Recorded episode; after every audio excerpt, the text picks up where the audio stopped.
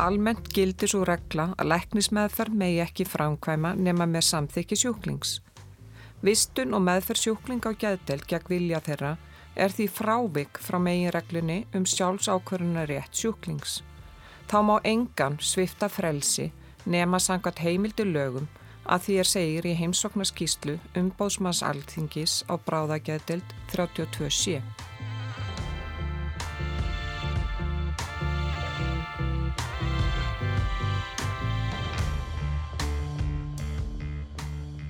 Sæl hlustandi góður. Þetta er fjórði þátturinn af sex í þáttarinn í geðbreyði. Í þessum þætti verður fjallað um nöðungarvistanir.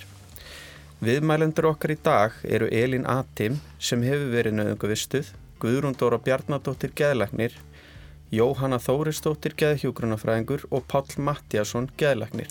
Ég heiti Guðrún Haldanadóttir. Ég heiti Margret Manda Jónsdóttir. Og ég heiti Tómas Hrafn Ágússon. En áður en við fjöllum með nauðungarvistanir er ekki vegi að þú segir kannski hlustandum aðeins frá uppbyggingu geðsviðs landsbytalansmanda. Að mista okkar stegi, ég pínur ringluð í því hvaða deild sinnir hverju. Jú, uh, byrjum kannski bara á byrjuninni. Uh, Geðþjónusta landsbytalans sinnir bráðaþjónustu fyrir landi og miðinn.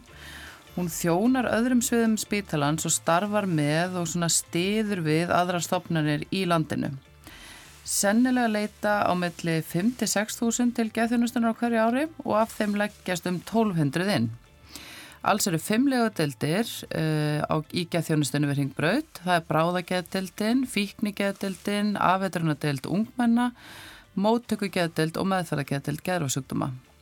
Legodeldi fyrir einstaklingar sem þurfa að velja lengur á spítalanum í endurhafingu uh, er í húsnaði geðþjónustunar á Kleppi Það er einni lítilegu dild á laugarásnum sem sinni líka endurhafingu. En það er einni, á kleppi er einni sérstaklega réttageðdildin en hann er hlutverkar að sinna þeim sem eru dæmdir ósakafir. En megin starf sem í geðþjónustunur er hins vegar dag- og kungudelda þjónusta en um fjögur þúsund manns tekja þá þjónustu á ári. Umbásmaður alþingis beindi í fyrra þeim tilmælum til dómsmálar á þeirra að taka efnisleg skilirði lögræðislaga fyrir nauðungavisnum til skoðunar og meta hvort hveða þyrti með skýrari hætti á um í lögum að nauðungavistun á grundvalli andlæra vanhelsu sé ekki heimil nema gæðsútumur kalli á slíka frelsisviftingu og önnur vægari úrræði komi ekki til greina. Og það stendur til að gera breytingar á nokkrum ákvæðum lagana og það er stenda því að leggja frumvarfi fram nú á vorþingi samkvæmt því sem kemur fram í samráðskátt stjórnvalda en bæði umbósmaður alþingis og alþjóðastofnanir hafa gaggrínt ákvæðum nauðungarvistanir. Nauðung hefur lengi verið beitt gagvart þeim sem eru með geðsjúkdóma en þröskuldurinn er herri hér á landi en víðast hvar í nágrannlöndunum. Pál Mattíasson geðlagnir hefur kynnt sér sögu nauðungarvistana á Íslandi. Það er áhugaverð saga og það hefur vakið aðtikli eh, í nágrannlöndunum eh, að við notum nauðung minna virðist vera heldur en hinnan Norrlanda þjóðunar og það sem meira er að við erum ekki að nota það sem kallað er fjötranir það að nota spennið treyður eða binda fólk, klekja það sem er enþá gert á hinn Norrlandunum og þetta á bakvið þetta ákveðin saga sem er nú, tengis nú kannski að einhverju leiti stóru bombunni sem kallu var. Það þegar að Helgi Tómasson, hann kemur sér sem nýri yfirlendur á Klepp 1929 og síðan lendir hann í, í ágreiningi við dónsmálaráþara, Jónas Rór Hriblu og, og sem verður til þess að, að Helgi er rekin og hann fer frá Kleppi. Síðan eh, daginn eftir Ólafi Tórsverður ráþara, hvað 1930 eitthvað, tvö að þá er Helgi afturgerður að yfirleitna á Kleppi og hann kemur tilbaka.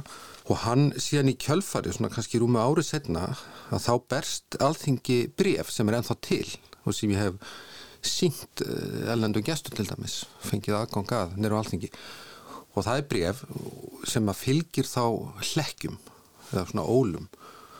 Eh, Helgi sendi þetta bref til alþingis og sagði ég er búin að brenna allar spennið treyðnar og hlekkina hérna á kleppi.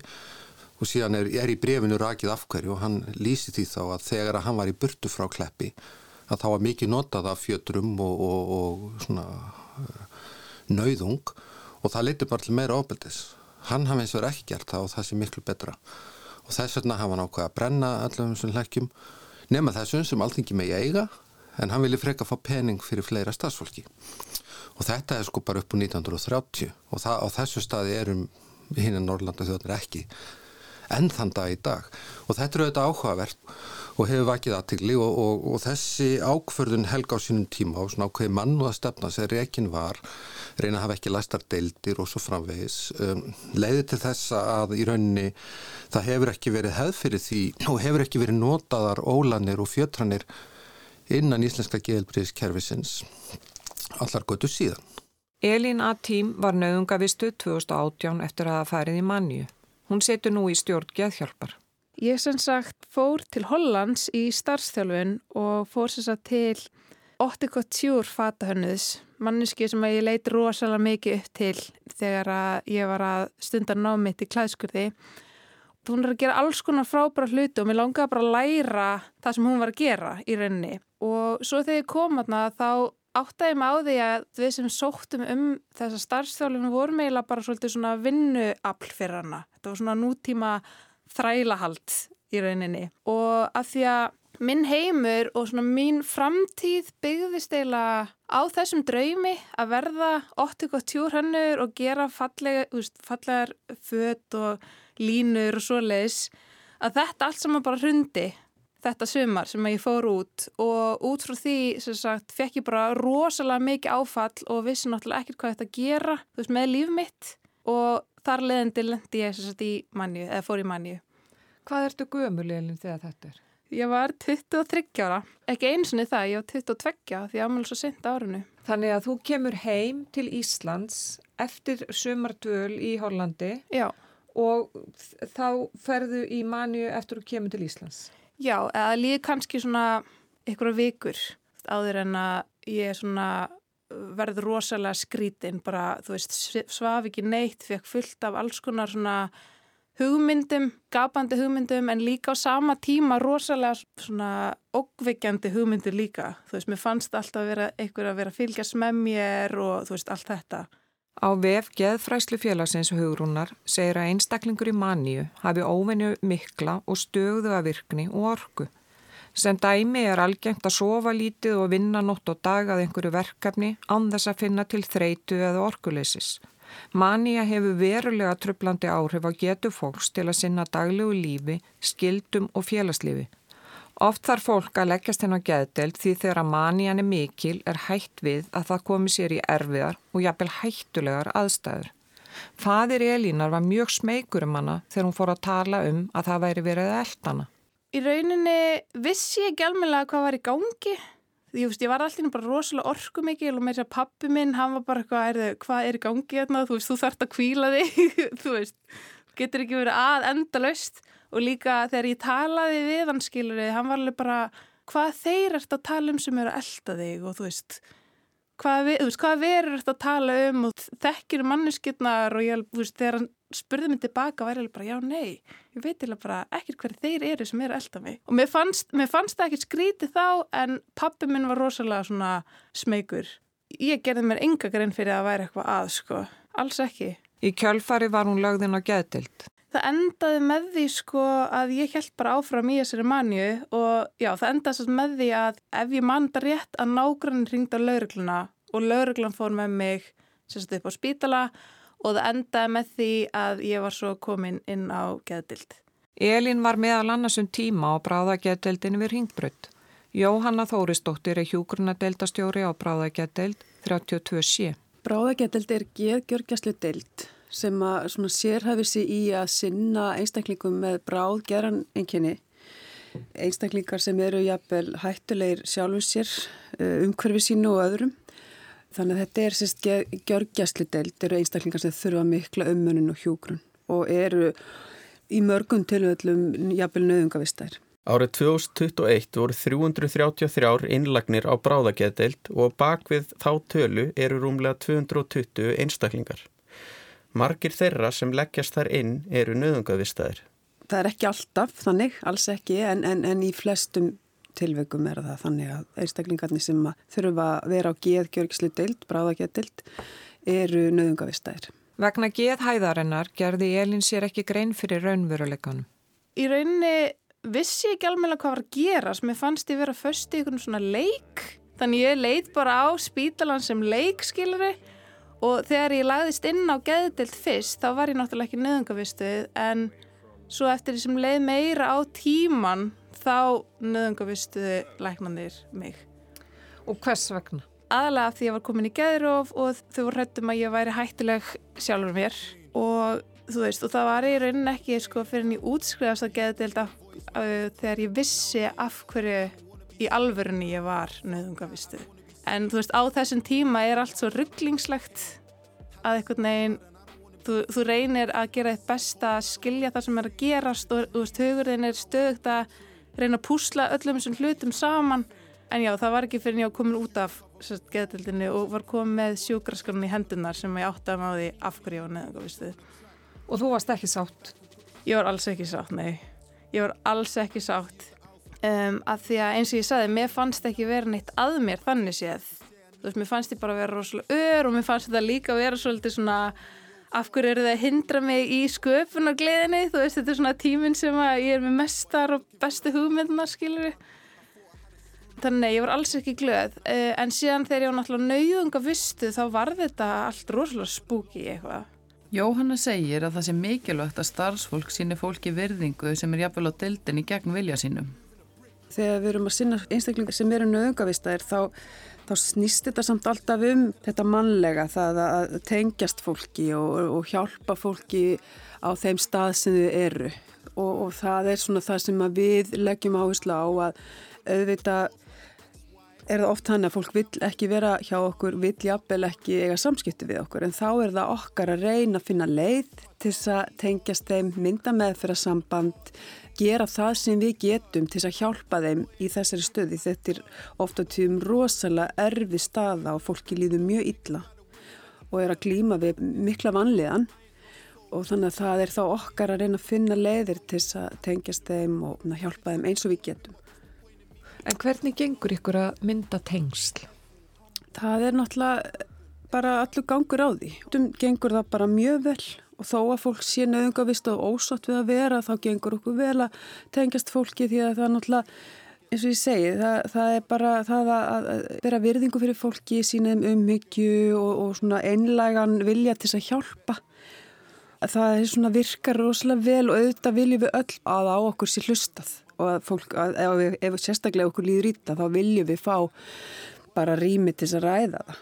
Þannig að það gengur auðvitað oft mjög vel, það gengur oft líka illa, eða, þú veist, það er þá kannski meira, það er, það er áskoranir og þá þarf maður bara oft að byrja mjög, mjög smátt og passa sig svona svolítið að ef, ef að einstaklingu vill ekki samskipti þá virðum við það.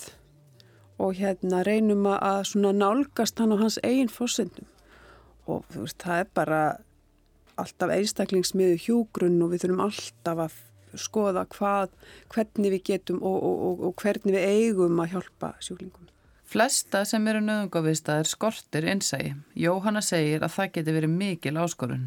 Það er, auðvitað, getur verið mikil áskorun og er auðvitað eitthvað sem við erum sífælt að skoða og vinna með og það er auðvitað sem hjúknarfræðingur þá kannski sá maður ekki alveg þetta fyrir sér að maður, maður væri tæki þátt í að þvinga einhvern til meðferðar eða þvinga hjúkur ná einhvern. Það er svona kannski eitthvað sem mað, maður sá alls ekki fyrir.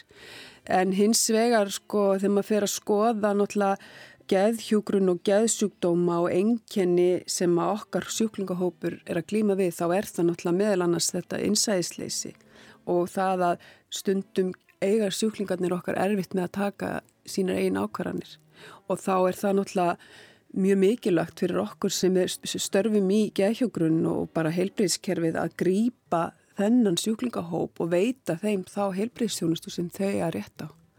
Og hjúgrunn eru þetta rosalega breytt og fjölbreytilegt hérna fag en við þurfum náttúrulega stundum að nota aðferðir sem að Já, kannski gera það verkum á sjúklingarnir okkar eru að, að minnstakosti fyrst, fyrstist að ekki ánæðir en maður sér það samt svo oft hvað fólk þarf á þess að halda og að sjá einstaklingar sem hafa kannski verið í, í miklum veikindum og verið kannski að gera hluti sem að sem að stýrast af hérna jafnvel ofskinjunum eða ránkumindakerfi sjá þetta fólk komast út úr, út úr því og bara upplifa að hérna, það er ánæðri nú þegar, það nær bata. Það er það sem að geðhjúgrun meðal annars snýstum Yes And I can hear him celebrating every time I up and leave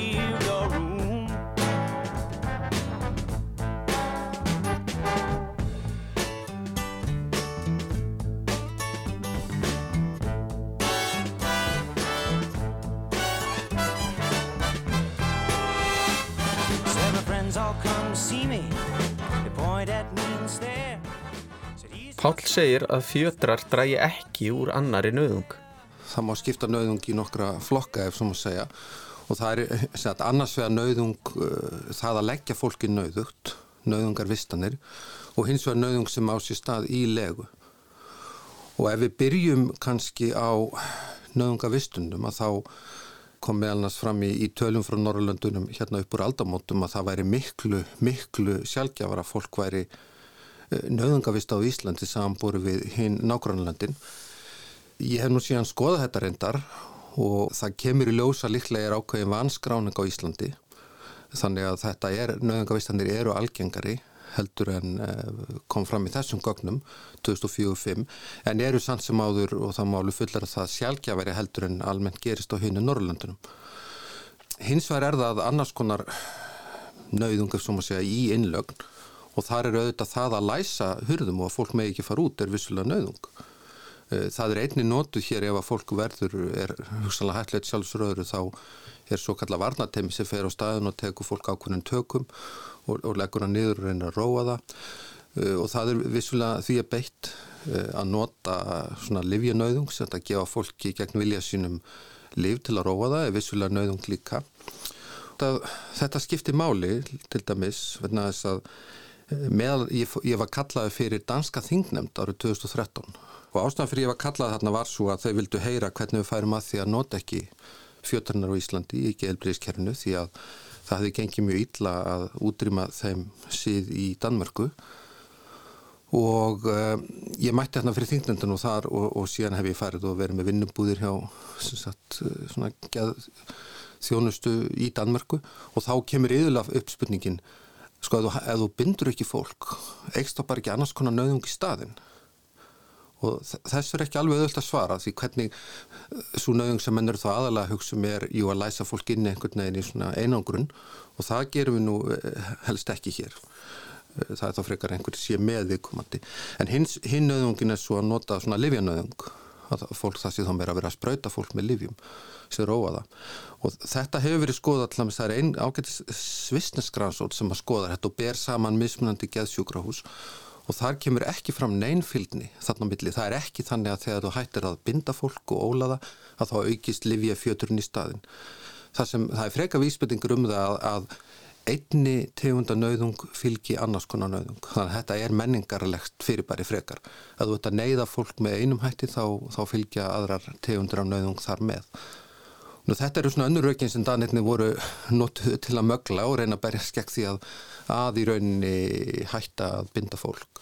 Hinn rökin voru þau að þarna var einhver einn áhrif að mikil yfirlatni fyrir næstu hundra árum og þetta er lítið og sætt land og, og þeir bara þannig leistist málið.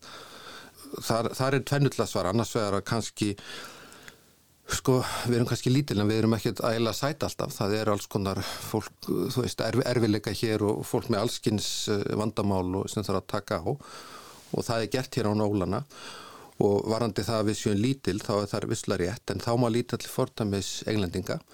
Þá er nýlgi helbriðslaugjöf sett þar á árið 1959 og þar var rauninni bannað að binda fólk niður og uh, það bara virkaði þannig að það er nú tólsinu fjölmennara landheldur en uh, Danmörk þannig að þau uh, rauk fara þar fyrir lítið En Danir hafi ekki látið segjast samt?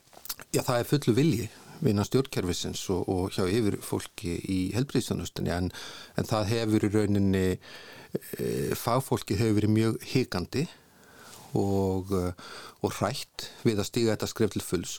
Og kannski allavega mín það sem ég hef sagt er það að eina leiðin til að ná þessu er, er bara að brenna drastlið bara ef þú hefur ekki lengur aðganga þessum ólum og hlekkjum á þá notar þau þetta ekki heldur finnur aðra leiðir. Þá á móti hafa menn sagt já, byrja ekki ekki hættan á ábeldi á, á, því að er þetta ekki hættlera fyrir starfsfólk að það þarf að vera að halda, á, halda og taka á uh, fólki sem er kannski órólegt eða líður ítla eða hótandi og þá á móti myndi ég segja að, að sko, það er aðsvöldin sem hafa verið gerður á því sína að annars vegar þegar við erum að binda fólk niður þá er það allt og lengi. Og, og auk þessi eru þar ákvæðin freysni vandi í rauninni. Þú, þú óla fólk niður og þá ætti ekki að ágjur af því. Meðan að hins vegar ef, þú, ef að eina leiðin til að taka og óruleika er þá að hann okkur tala við fólk og reyna að mæta þörfum þess róa niður eða þá að halda því bóstallega og fylgja þenni í herberg þá er það áhættu samara fyrir báða aðila og er líklega þá til þess að, að leiða til þess að stafsfólk og einstaklingar uh, semji og, og í rauninni komist hjá nauðung. Þannig að við erum með þessi varnateimil eins og getildum landsbytala og þar er fólk þjálfað í því að reyna, kannski fyrst og hennast að, að deeskalera, að draga úr spennu og finna leiði til að komast hjá ábyldi sem ég held að sé mjög mikilvægt því að ég held að það sé mjög erfitt að komast hjá nauðung algjörlega. Ef að, ef að ekki er möguleiki til þessi lögum þá er hættan svo að það veri gert utan dóms og laga. Bara á sama hátt og, og þetta er svona í rauninni skadamingun. Það er ekki verið að segja að það, það má bara nöðungavista eða beita nöðunga því einhver einstaklingu sé með einhverja greiningu eða, eða geðfallaður, það er ekki þannig. En hins vegar ef að fólk er í störlundar ástandi að þá er svo kallar ætla samþyggi ef þú vildir, ef þú gætir gefið samþykki þá myndur þú vilja að þér væri hjálpað og þú færður öðrugan stað. Það er ekkert að taka þetta í burtu því að það er rauninni sömu rauk fyrir því að já, ef ég myndi detta hér niður núna í hjartastoppi að þá er að vantala fyrir grófri líkansárós ég er því sviftu klæðum og ég allir er uppesbrotin þegar verið verið að hnóða mig. En það er að því það er ætlað samþykki. Sama á gjörgjastludeildum þar er verið að gefa fólk liv og all, allskins meðferð beitt á þess að fólk gefi samþykki en það er ætla samþykki. Þannig að það, það er rauninni bara sömu röka eins og eru fyrir því að það er rauninni nöðungavista fólk sem er í styrlunar ástandi. Eins og Páll sagði þá er Livia nöðung beitt í íslenska geðhelbriðskerfinu. Elin var mjög ósátt við þá nöðung á spítalanum. Ég vildi innilega ekki taka einn liv. Það var líka eina ástæðan af hverju hérna ég var nöðungavistuð er að því að samkvæmt þeim var ég ekki samvinnufús og ég vildi einmitt ekki taka sem sagt lif við geðrófinu sem ég var í og í staðin þá einmitt nöðungavistuði mig og gáti þess vegna spröytaði ég mig og það var eiginlega bara það, veist, þetta er það versta sem ykkur getur farið í gegnum. Elin segir að skilningur og hlýja hefði gert meira fyrir hana en að vera nöðungavistu. Sko, mér finnst nöðungar þú veist, með hvernig ég uppleiði þetta og með þá sem að voru með mér inn á deildinni að þetta er í alverðinni, þú veist, þú ert að brjóta einstaklingin svo ofbóðslega mikið niður þegar rauninni það sem að, veist, ég til dæmis að þurft var skilningur og umhyggja og hlýja og ást og allt þetta, þú veist, það myndi að fá að hitta fjölskyldunum mína og svoleis, þú veist, ég hefði færið rosalega langt þannig, skilur, og líka það er með að geta fengið útrás og farið út að hlaupa eða ég fæ líka útrás á að teikna og, og mála og vasslitinu mínir voru teknir af mér, skilru, þegar ég var aðna inn á bráðargeðbildinni. Það vantar bara svona mannlega partin í það og einmitt að sé að teki mark á því sem við erum að segja. Mörg þeirra sem eru nöðungavistu dvelja á meðferðargetild geðrásjúkdóma. Guðrúndóra Bjarnadóttir er yfirleiknið þar. Meðferðgeðdeil geðrúsjútoma er 16 rúma deil sem sinnir einstaklingum með geðrúsjútoma á borðu geðklofa, geðkvarfaklofa og eh, geðkvörfum. Við erum að sinna mjög heildrætni meðferð til þess að hjálpa einstaklingnum að ná bata og auka lífsgæði hans.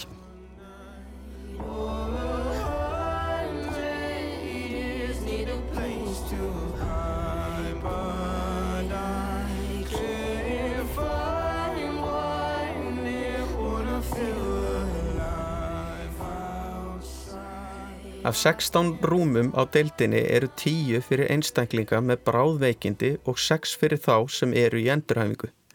Guðrún Dóra segir allan gang vera á því hvers vegna fólk leggist inn á deildina en flest þeirra sem eru bráðveik á deildinni séu nöðungarvistuð. Svona flestir sem leggjast inn hjá okkur hafa verið nöðungarvistaðar. Og hvað er fólk yfirleitt lengi hjá okkur? Það er allur gangur á því en svona meðalegu tími vegna bráðra veikinda er svona um þrjár vikur eða svo en það eru auðvitað mjög einstaklisbundi og fer eftir eðli veikindana og eru bygglistar þar fólk, kemst fólk að þegar það þarf á því að halda? Ekki inn í bráðalöta, þá leggjum við fólk inn þegar það þarf á aðstóða að halda hins vegar uh, geta verið bygglistar inn á endurhæfingarluta en við fórgangsröðum þeim inn sem við teljum þurfa mest á þjónustun að halda. Guðrúndóra segir að ef ákverðin er tekin um að nauðungavista eða sjálfræðisvifta mannesku sé það fyrst og fremst til að tryggja læknisfræðilega meðferð viðkomandi. Ef einstaklingur er metin hættulegu sjálfum sér eða öðrum á grundvelli geðsjútóms eða annara geðratna og líkamlega engjana sem jafna megi til alvarlegs geðsjútóms. Í langflestum tilfellum nöðungavistana eru einstaklingurinn í örlindi eða geðrófi og slíkt ástand getur haft áhrif á innsæi og domgrendi viðkomandi að taka rögrættar ákvarðanum heilsu sína. Þegar einstaklingur er nöðunguvistöður eða sjálfræðisuttur þá er það fyrst og fremst þess að tryggja læknisfræðilega meðferð til að auka batahorfur og lífskeið einstaklingsins í örugu umhverfi. En hver, þá, hver munur þá meðferðinni ef þú ert nöðungavistöður? Meðferðin er í raun svo sama nema að sá sem er nöðungavistöður vill ekki þykja ráðlega meðferð sem húnum er talið nöðsileg. Engu að síður reynum við til hlítar að ná samstarfi um meðferðina þannig að þráttur að viðkomandi svo ósáttu við að þurfa hefja livjameðferð gegn sínum vilja þá hefur viðkomandi eitthvað um að segja hvaða livjameðferð er valin. Sér má ekki gleyma meðferð við geðsjútumum er markþætt þar sem við leitust að veita hildræna meðferð til að auka lífsgæði viðkomandi og þar skiptir aðkoma hjúkunarfræðinga, sálfræðinga, yðurþjálfa, félagsrákjafa, næringarákjafa og íþróttafræðinga miklu máli. Já, allt teimið á deildinni kemur að styðja við þannan viðkomandi sjúkling. Já, því að meðferðin er fjöldþættara heldur en einungis livja meðferð og við erum að leitast að það að hjálpa einstaklingunum í sínu víðasta formi. Já, og þannig að hann komist út í lífið aftur. Það er markmiðið. Ef fólk er þvingað í meðferð á geðdeild getur eðlilega verið erfitt fyrir starfsfólk að mynda meðferðarsamband við það. Það getur eins flóki þegar fólk er þvingaði meðferð og eitt af því mikilvar í okkar starfi er að ná meðferðarsambandi við fólk og nálgast að auðmygt og virðingu gagvar þeirri stöðu sem einstaklingurinn er í. Oft eru einstaklingarnir ósáttu við hluta meðferðinni en ekki alla og við reynum þar með að vinna með það. Til dæmis þeir gætu vilja hitta sálfræðing eða félagsrákjafa, þeir gætu vilja fá stuðning fyrir fjölskyldu þráttur þessu ósáttir við lifja meðferðina. Og það er allur gangur á því hvort að einstaklingurinn fái í meðferðinni innsæi í sjúkdómsmyndina eða já, viðkomandi gæti líka fundi fyrir jákvæðan breytingum af lifja meðferðinu og er þá sáttar við að þykja slíka, slíka meðferð. Og getur ekki verið erfitt fyrir fólk að sætta sig við það að til dæmis fjölskylda við komandi takið þessa ákverðun að óska eftir náðungavistun? Blessunulega var lögunum breytt árið 2015 og eins og staðinir í dag þá óskar félagstjónustan eh, eftir nöðungavistun eða gerir beðinu um slíkt. Þannig að fjölskyldan er þessu, er haldið utan fyrir þetta. Og þetta lítur náttúrulega að fara illa í marga? Fyrstum sinn já og þetta er auðvitað einstaklingun hefur uh, ekki innsægi oft á tíðum að hann þurfi á meðferð að halda og eru ósamála því og maður getur sett sér í þau spór að maður telur sér ekki veikan og þá vil maður ekki þurfa að liggja inn á spítala eða þykja livja meðferð þannig að þetta getur reynst mörgum erfitt. Feel like I'm always apologizing for feeling Like I'm out of my mind when I'm doing just fine. And my exes will say that I'm hard to deal with. And I admit it true. All my friends, they don't know what it's like, what it's like. They don't understand why I can't sleep through the night. And I thought that I could take something to fix it. Damn, I wish it, I wish it was that simple. I, all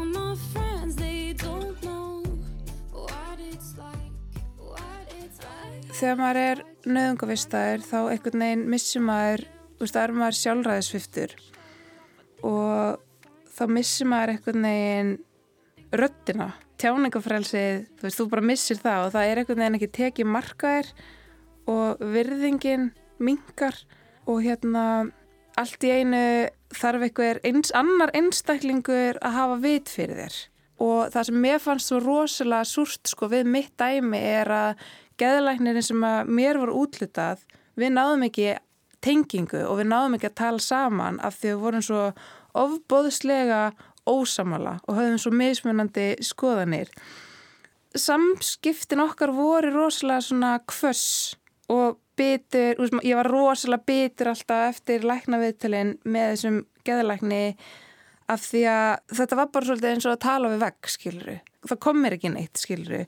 Og það gerði mig ofbáslega örvæntingafulla, sérstaklega þegar ég fattaði að þú veist, ég kæmist ekki út af spítalunum og ég kæmist ekkert áfram af því að við náðum ekki þessari tengingu, skiluru. Þú veist, það skipti ekki máli hversu oft ég sagði það sem að ég þurfti og vildi að ég var bara först og þú veist, ég spólaði bara í sömu hjólfurnum aftur og aftur og aftur án árangurs. Og það var bara, það var rosalega vond af því að endanum einhvern veginn gafst ég upp á því að hafa skoðanir og ég gafst líka upp á því að standa með sjálfur mér af því að þetta leti ekki til neins. Elin var þrjá mánuð á geðdelt og var nauðungavistu hluta þess tíma. Í sjúkraskíslu hennar kemur fram að ástæðin lagnar var geðróf. Þar kemur einni fram að mögulega sé hún með geðkvörf á byrjunastígi. En eftir að ég útskrifaðist þá eiginlega bara svona hendi ég öllu frá mér og bara vildi svo innileg ekki sækja neina hjálp þóka. Og ég var náttúrulega skítrættum að lenda aftur í manju, þú veist, eftir útskriftuna því ég hætti á hérna geðlegunum bara um leið í gat. En já, ég, ég hætti og vildi eiginlega bara ekkert með þau hafa. Og hefur ekki tekið neina lif síðan? Nei, ekki geð tenglif, nei. Nei. Og þú hefur ekkert fengið og aftur? Nei, en líka sko ástæðan fyrir því er að þú veist, ég veit miklu betur núna, ég þarf að passa matræðið, að borða reglulega, ég þarf að sofa í 8 tíma, ég þarf að reyfa mig og hitta annað fólk. Ef ég ger ekki þetta á hverjum degi, þá finn ég að mér fyrir að líða verðskiluru, þannig ég hef miklu meiri svona tól í höndunum til þess að láta mig líða betur og koma í veg fyrir þetta. En ég, ég fann það til dæmis sko, ég var eitthvað smegum að vera að fara aftur í manju núna í sumar en þá passaði ég bara að kúpla mig út og slappa af. Það skiptir mjög miklu mála hlust á líkamann. Elin telur að heilbreyðiskerfi í að bjóða upp á aðra og fleiri möguleika þegar kemur að meðferð og geðdeild. Mér finnst eins og ætti að vera fleiri valmöguleikar inn á geðdeild til dæmis að ef þú vilt til dæmis ekki taka liv að sé til livjuleysa deildir. Mér finnst líka sko þegar ég hugsa tilbaka rosalega erfitt að ég hafi verið einn á mótið öllu starfsfólkinu. Það var engin eitthvað með mér í liði og þú veist bara það að hefa geta haft eitthvað til þess að tala um bara þetta áfallir rauninni sem það var að vera nöðungavistæðir, það hefði breytt rosalega miklu. Af því mér fannst ég bara að vera að berjast á móti öllum. Þú veist að ég þurfti bara að taka liðin og þá er þið allt, allt í lægi. Pál segir að það þurfa að bæta ákveðna hluti innan geðþjónustunar. Já, eitt sem ég vil nefna er húsnaði Fyrst við höfum rætt það, það eru jú nöðungavistanir, síðan er það nöðung í legu og, og það hefur sínt sig að, að þegar að húsnæði er manneskjulegra, batamiðara, e, það er meira rými og, og, og hlýlegra, að þá dregur úr ábeldi. Fólki líður betur, það vil síður fara í burtu. Við höfum meira sé að, sko, okkar húsnæði hér er alls ekki nóg gott og það er alveg ljóst, það segja bæði notendur þjónustunar og uh, stafsfólk að það verður að, að bæta húsnæði geðþjónusnar. Við höfum nú þegar til dæmis fyrir tæpun tíu árun þá var komið hér á fót því sem kallaði bráðageðdelt en er raunni geðgjörgjastla. Það er það fólk sem að er kannski órólegast og, og, og hugsanlega hættilegt sjálfstur öðru. Það er miklu meira rými, það er aðskildir sveppgangar, kall og kvenna. Það er miklu meira rými þar og, og fólki sem þar er, er þjálfara í að, að hvað maður segja, draga úr uh, spennu uh, meðal einstaklinga. Og það hefur sínt sig að eftir að þessi bráðageðdild eða geðgjörgjastl eftir að henni var komið á fót að þá dró mjög úr ofbildis atvikum innan geðþjónusunar sem segir okkur það að, að, að húsnaði er svona kannski enneitn og mjög mikilvægur þáttur í meðferð. Elin er ósatt við þar aðstæður sem notendu geðþjónustanar er bóðið upp á, leggist þeir inn eins og þú veist, ég mátti til dæmis ekki fara út og svo leiðis er bara því það var undirmannað skiluru og það var líka rosalega mikið svona vandamál. Ég held ég að farið út sko í tvö skipti þegar ég var sko á bráðageðdildinni. Og eins og ég sagði við áðan, reyfing skipti mjög miklu máli þannig að þú veist, þetta meika bara ekki sann, skilri. Anna sem Elin nefnir eru glukkar á hurðum herbergja þar sem fylst er með fólkið sem þar likur inni. Fólki sem til dæmis er talið hættulegt sjálfum sér. En líka annað sem að fór rúslega mitt í tögðun á mér að þú veist, það voru svona glukkar á hurðunum og þú veist að kortesfresti það var alltaf beint ljósi innskilri, bara beint í andlitið á manni. Þannig alltaf þegar maður svona alveg að fara að sopna, þú veist, þá var maður að vakina aftur upp og það, þetta var líka bara eitthvað, já, þú veist, við þurfum að gera þetta kortesfresti, bara greið þú að þurfa að lendi í þessu eiginlega. Já, þetta er náttúrulega til þess að koma einmitt í veg fyrir sjálfsvíks tilrönd. Já, já, það er það. En á sama tíma, skilru, er ekki hægt að koma einhvern veginn öðruvísi að þessu. Elin segir að þegar fólk er vekt á geði þá magnist skinnfærin upp. Um, ég sem sagt vaknaði við hljóð fram á gangi þegar ég var inn í herbergi og það sem sagt var starfsmæður aðna fram á gangi að leggja kapald bara til að stitta sér staðustund og fyrst reyndi ég að láta þetta svo innileg ekki fari tögunar á mér. Ég hugsa bara með mér, já hann hlíti nú að fara að ganga upp þessi kapall hjá honum. En svo fór þetta að fara meira og meira í tögunar á mér af því að veist, hann var ekkert að stoppa og þegar maður er lasin á geði þá eitthvað neginn magnast öll svona skinnfæri og maður verður miklu næmæri á þú veist hljóð og lykt og bragð og allt þetta og í mínu tilfelli var það hljóðið. Þannig ég fór fram á gang og spurðan bara, heyrði, viltu vinsalegast að hætta þessu af því að veist, þetta er að tripla svefni hjá mér, þú veist, ég get enga veginn sofið út af þessu. Og hann sagði bara þvert nei, bara ég hef alltaf gert þetta svona og þetta hefur aldrei verið vandamál þannig nei, ég ætla bara að halda áfram. Og við náðum einhvern veginn ekki að semja um þetta, skilri, þannig að ég ákvað bara að hlama mig niður hjá honum og segja bara, heyrðu, ég verða bara hérna þar þú getur virt þetta, af því ég er ekki að fara að geta sopnað út af þessu. Og honum greinilega fannst þetta eitthvað óþægilegt og var eitthvað, heyrðu, þú var að fara vist inn í herbergi, það er, þú veist, næturvakt hérna og þú veist, þú átt að vera sofandi. Og ég var bara, ég get ekki sofið, skiluru það endaði með því að hann stóð upp og ætlaði bara að neyða minn í herbergið, bara íta mér inn í herbergi og þegar við vorum komin að hérna dýragettinni þá setti ég bæði hendunar og fætunar út svo að myndi ekki íta mér inn í herbergi. Og hann held bara áfram að íta mér. Og mér brá rosalega mikið við þetta af því að hann var farin að meiða mig. Og ég var bara, hvað er í gangi? Þannig að fyrsta sem ég hugsaði var bara, heyrði, ég þarf að komast undan þessu. Og ég gaf hennu olbóskot og veist, ég sló reynda líka til hans. Þannig að honum brá líka, skilru. Og aður en ég vissi að þá var sko varnateimi komið og þetta var sem sagt áttamanna hópur og þarna fekk ég bara, ég fekk sjokk og fór bara að hágráta og af því ég fekk svo mikið sjokk að þá gati ég ekki útskýrt hvað var í gangi skilur á undan þannig ég, það eina sem ég gerði var að gráta og varnateimið sá ok, þú veist, þetta er ekki eins hættilegt og við heldum þannig þau fóru og það endaði með því að þú veist, ég var komin upp í rúm og undir sæng og þessi starfsmæður helt áfram að leggja kapal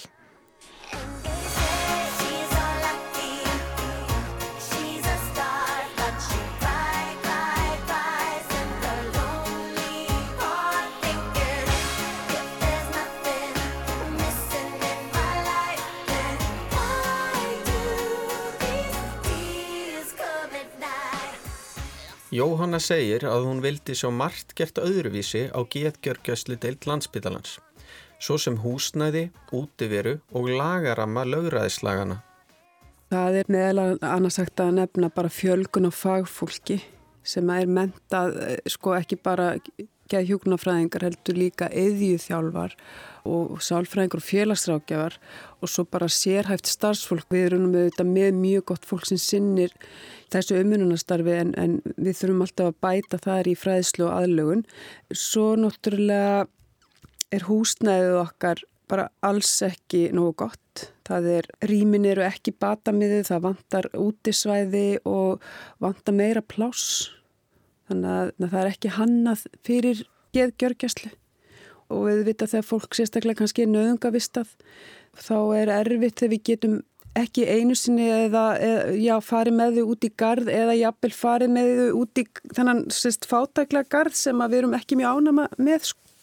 og svo náttúrulega það er ímislegt annað sem að mætti betur fara og ég held að það sé meðal annars bara þessi lagarami sem við erum svolítið, já, þurfum að vinna í sem er í raun og veru mikið tómarum.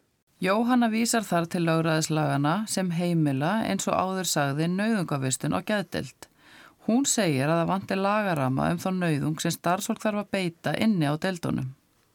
En síðan eru við að, að náttúrulega Það er önnu nauðung sem á sér stað inn á deildinni sem við höfum ekki heimilt fyrir og er allt saman mjög loðið en við verðum samt sem áður að vinna eftir þess að við verðum að hafa þú veist, hérna, deildareglur og við verðum að stundum að hérna, setja einhver mörg sem að geta sko, sem að eru oft erfið en við verðum að gera það og það vantar svona lagarama í kringum þetta. Þar vísar hún til þess að hlutir eru teknir af fólki við innlögn. Já, það er kannski meira þetta að fólk getur ekki verið með hvað sem er inn á deildinni því við erum alltaf, að, við erum annars við erum alltaf að hugsa um þetta alltaf út frá sjúklingnum og hans meðferð en síðan þurfum við alltaf að hugsa um þetta út frá öryggi, öryggi sjúklingana og starfsfólks. Þannig að við getum ekki verið með ímsa hluti, eða við getum ekki heimilega ímsa hlutin á deildina því það gætu verið skadleir og það er bara hægt að nefna, þú veist, ímsar snúrur eða belti og, og hérna og svo eru við ekki, lefum við ekki síma inn á deildinni. Það er náttúrulega bæði gert til þess að minga áriði og aðala út af því og hérna og svo líka í örgiskinni út af personuvend. Þetta er til dæmis bara, já, til dæmis eru þetta atriði sem skipta greiðilega miklu máli og við höfum í raun og veru, veist, það er mjög loðið hva, að, hvað við megum gera. Þannig við, við köllum eftir því að þetta verði skýrt. Elin segir aðbúnaðurinn sem mismunand eftir deildum. Bráðageðdeildin er voðalega svona, þú veist, það er allt læst. Hvernadeildin er læst, kalladeildin er læst og það þarf sérst að opna til þess að geta farið og fengið sér að borða. Stundum er opið og stundum er, þú veist, einhver telur notandana að vera hættilega eða órólega þá er hurðunum lokað og síðan þegar þú ert að koma inn á bráðagjalditina þá þarf það að fara gegnum hurð og svo er svona pínlíti rými þannig þarf tæknilega sé að fara gegnum tvær hurðar til þess að komast inn sko. Og mér finnst þetta bara svakalegt af því maður upplifir sig frekar eins og fanga heldur en sjúklingsskilru og eins og maður sé eitthvað stór hættileg eða ég upplifir mig eins og ég væri eitthvað stór hættileg þegar rauninni mér vantaði bara hjálp við veikindin mín, skiluru. Og líka það sem að mér fannst droslega svona, mér finnst það skrítið að það var allt bolta niður, veist, allir stólanir voru boltaði niður, borðin voru boltaði niður, við fengum plastnýfabur og einmitt eins og ég talaði um þá hérna skinnfærin magnar svo mikið, ég sko fann bragð af plastinu eitthvað neinn og það var bara voðalega skrítið allt saman og að því maður er ekki vanur þessu þá var þetta bara mjög óþægilegt. Jóhanna telur að við öll getum sett okkur í þau spór að vera andsnúin því að vera þvinguð til að gera eitthvað sem við viljum ekki.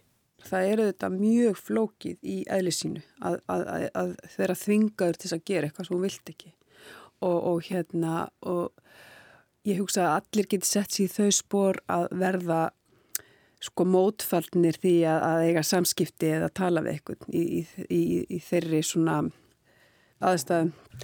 En hérna það sem skiptir greiðlega miklu máli og bæði það sem maður hefur lesið og það sem sjúklingarnir tala sjálfur um að hvernig það er gert, það er svona líkilatrið því að það er hægt að nálgast manneskun á svo mjög mismundi hátt og það að reyna að koma í veg fyrir eins mikla þvingun og hægtir og við höfum verið að nota hugmyndafræði savewords þar sem við viljum fyrst og fremst bara fækka atvikum og, og róa með orðum og tala við sjúklingin þannig að við náum sambandi við hann og, og gerum það sem við getum fyrir hann í þessum kringustæðum.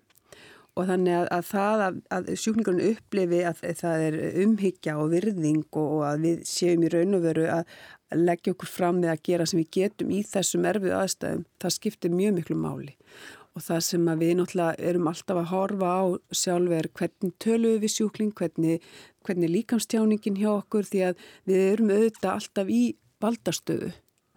Við erum starfsfólkið og sjúklingarnir eru nöðungavistæðir og þess vegna er rosalega mikilvægt að við mingum þetta byl eins mikið og við getum. Og þá er einmitt það sem er að, núna hérna eitthvað sem við þurfum að skoða náttúrulega í geðfjónustin í heilsin er að fá fleiri nótendur inn í starfið með okkur.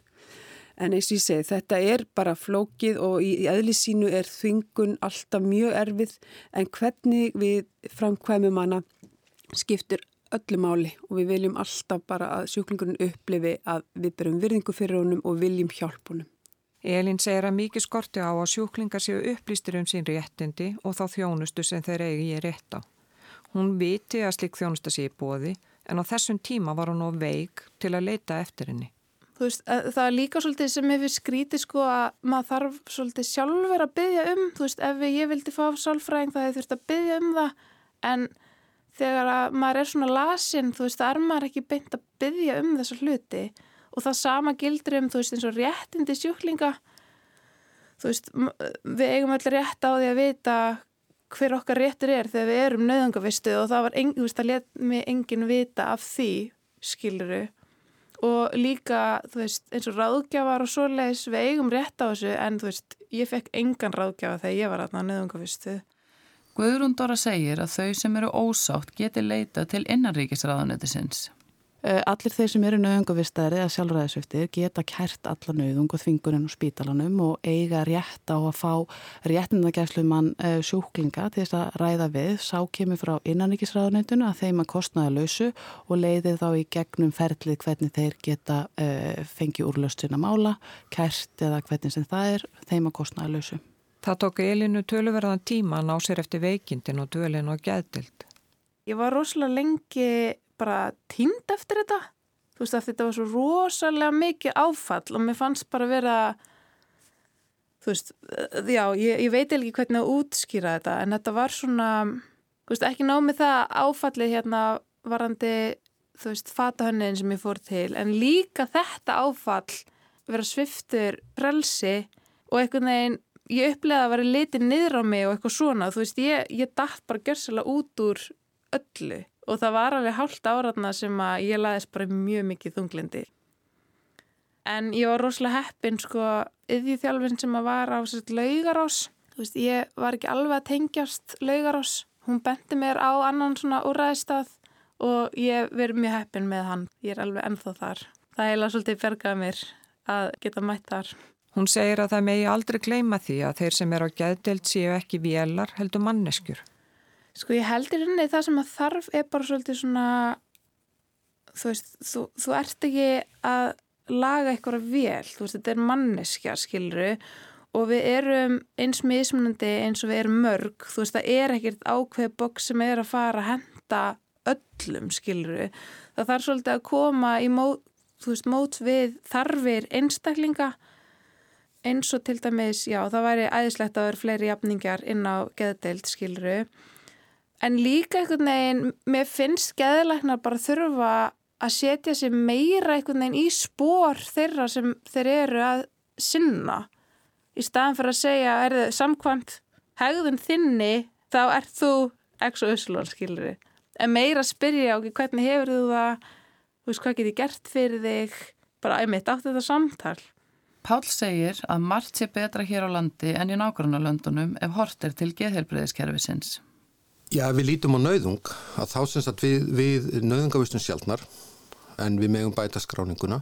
Við erum ekki að nota fjötrannir innan geðelbríðskerfisin sem er gott og almennt er reynd að, eh, ná samningum og, og treysta fólki frekar en að beita nauðung sem er mjög mikilvægt því að nauðung yfirleitt býtur í skotti á sér. Hún dregur úr eh, jákvæð meðferðarsamband og er ekki til góðs.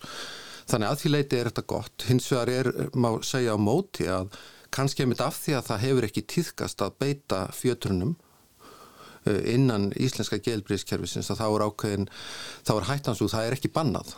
þannig að við sjáum það dæmis að við vissar aðstæður til dæmis innan öldurnar geirans að þar er verið að nota fjötranir sem er, myndi ég segja, áhyggju efni.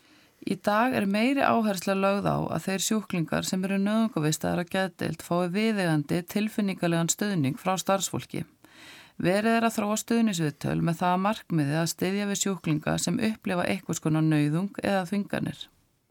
Hvernig getur manneskja, geðlagnir sem þekki mikið neitt og veit ekkert hvað ég gengi í gegnum, dæmt mig eins og kápu á bók og svift mig sjálfræði án þess að lesa bókina og með því leift sér að brjóta tilveru mína og framtíð niður og gera mig veikar en ég var fyrir.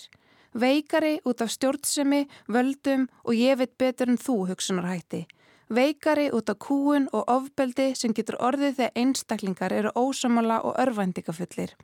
Þegar hugurinn þrítur taka hendina við, réttara sagt tekur allir líkaminn við og í sjúkraskráni er þessu augnabliki líst þannig að ég var ógnandi og ósamvinni fús. Stoppaðu! Vinsalegast hættu að drita á mig greiningum og hlustaðu. Ég byrði, kæri geðlagnir, um að setja sniður og hlusta sjá hvaðan ég er að koma og virða það sem ég segi.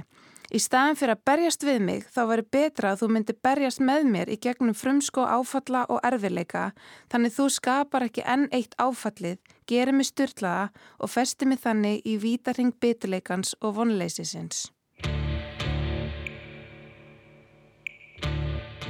Elina tímsandi ljóði fljótlega eftir útskrifta geðdelt fyrir fjórum árum. En eins og kom fram í upphæðu þáttarinn stefnir og dómsmálar á þeirra á að leggja fram frumvar til laga um breytingar og lögræðislögum þar sem miða er að því að gera ákvæði lagana um nöðungarvistanir skýrari og skerpa á ýmsu reglum um sviftingu lögræðis. Eins miðar frumvarfi að því að koma til móts við ábendingar alþjóðlegra eftirlitsaðila og umbósmanns alþingis um breytingar og lögunum. Í næsta þætti geðbreyða verður fjallað um áföll og rætt við sérfræðinga á því sviði sem og fólk sem hefur upplifað þau. Áföll verða skilgreynd ásamt því að rætt verður um hvenar áföll geta þróast yfir í áfallastreitur öskun og hvaða meðferðir eru þá í bóði. Veriði sæl.